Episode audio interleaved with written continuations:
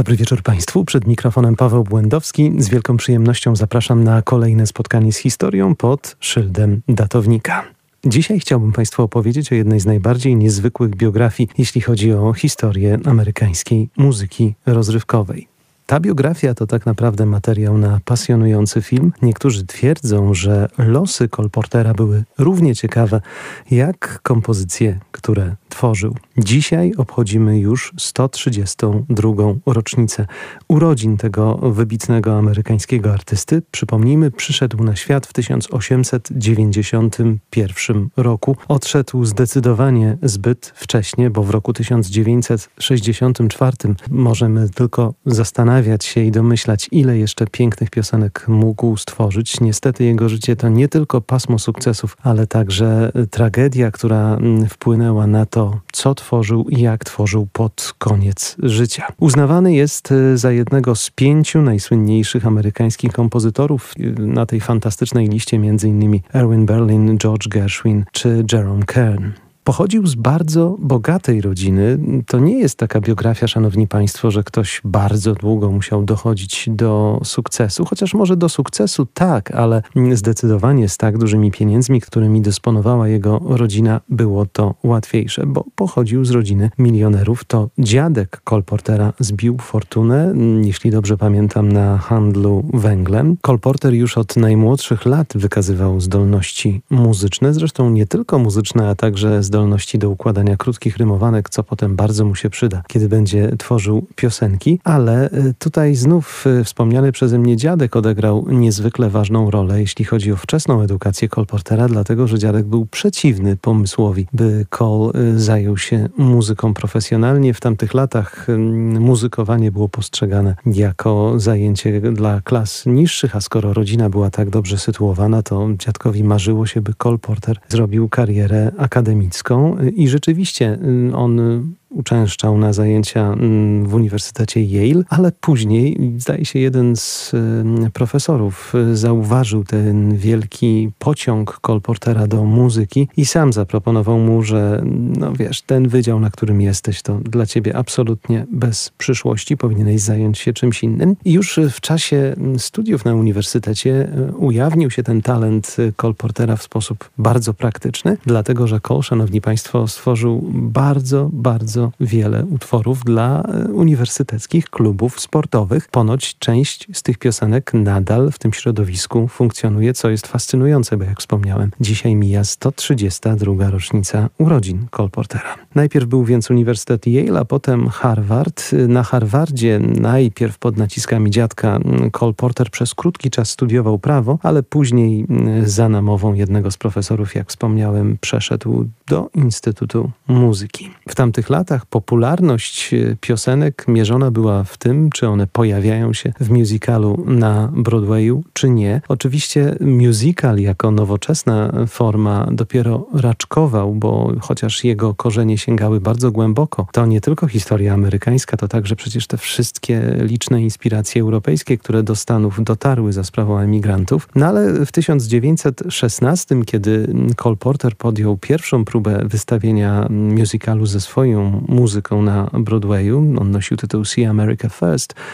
E, musical w tej formie, w której znamy go dzisiaj, tak naprawdę jeszcze na dobre nie zaistniał. Przypomnijmy, rok 1927 to jest premiera musicalu Showboat e, i dopiero tam pojawił się ten wątek fabuły, bardzo spójnej, niezwykle istotnej i te piosenki miały być już tej fabule podporządkowane. Na początku w pierwszych próbach Colportera było zupełnie inaczej. Ale trzeba przyznać, szanowni państwo, że ta pierwsza próba bardzo, ale to bardzo Colportera zniechęciła. Bo jak wspomniałem, ten musical nosił tytuł See America First i wydawało się, że taka amerykańska tematyka znakomicie sprzeda się na Broadwayu. Nic bardziej mylnego. Ten pierwszy musical z 1916 roku był po prostu, mm, może nie gigantyczną, ale jednak klapą. Bardzo szybko mm, przestano go wystawiać i Colporter na razie, na razie obraził się na amerykański przemysł musicalowy i wyjechał do Europy. Był rok 1917, trwała I wojna światowa. Jak Państwo wiedzą, wtedy Ameryka już włączyła się do wojny. Tymczasem Cole Porter, chociaż mm, oficjalnie figuruje na liście żołnierzy Legii Cudzoziemskiej, czym zresztą bardzo później w wywiadach się chwalił, mm, no, większość tego czasu w Europie spędził na mm, bardzo hulaszczym życiu za sprawą pieniędzy dziadka.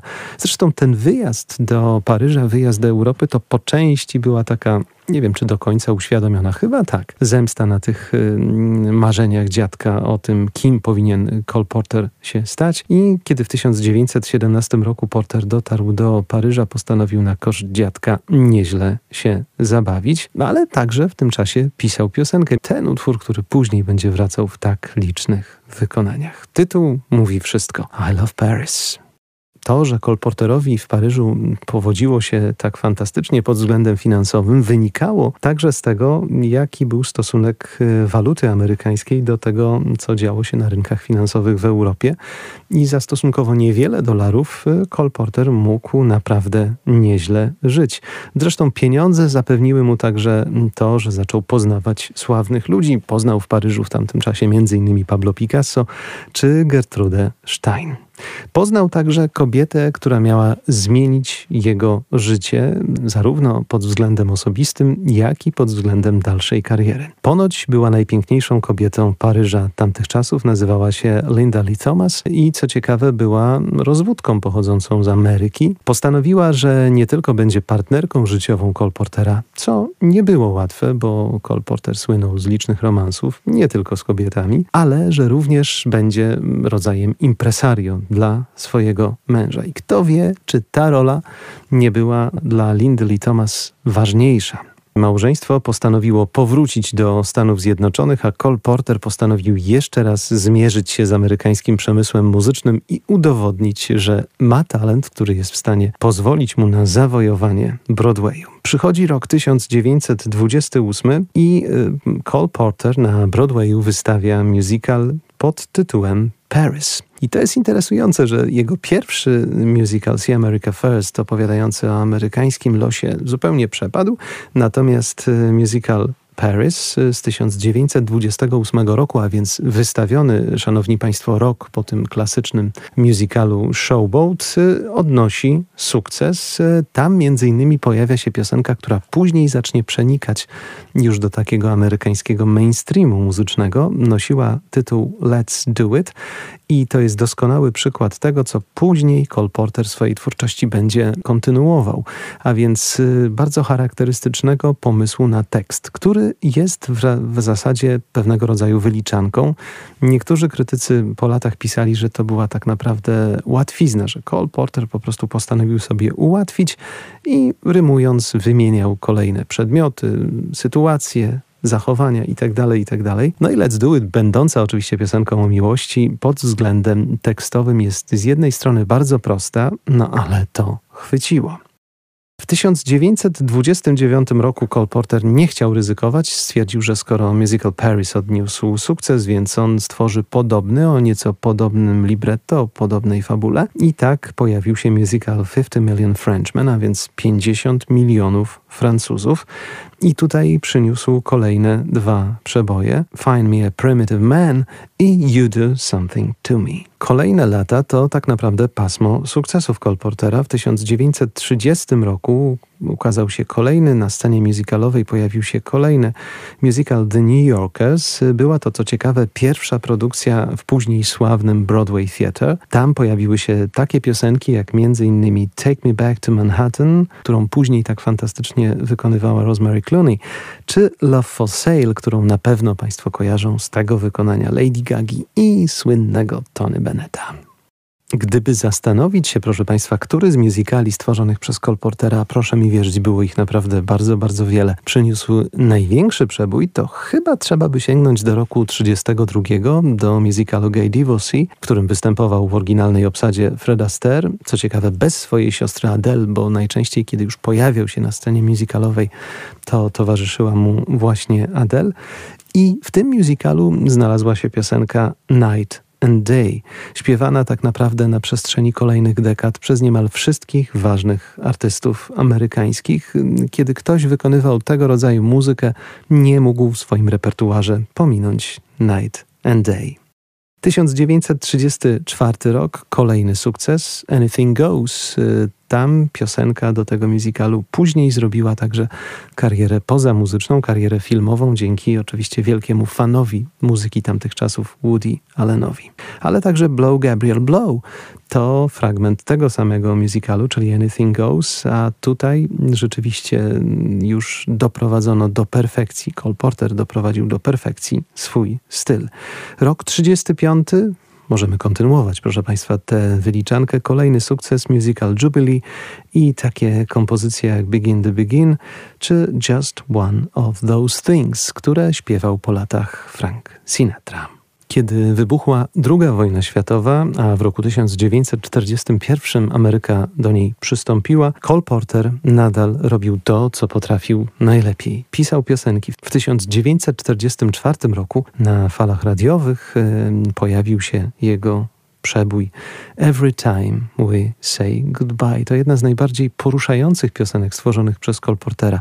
A kiedy pamiętamy o kontekście tamtego czasu, kiedy tak wielu żołnierzy było poza domem i nie było żadnej pewności, czy kiedykolwiek wrócą, ta miłosna piosenka o rozstaniu z ukochaną robiła na słuchaczach wielkie wrażenie. I robi do dziś.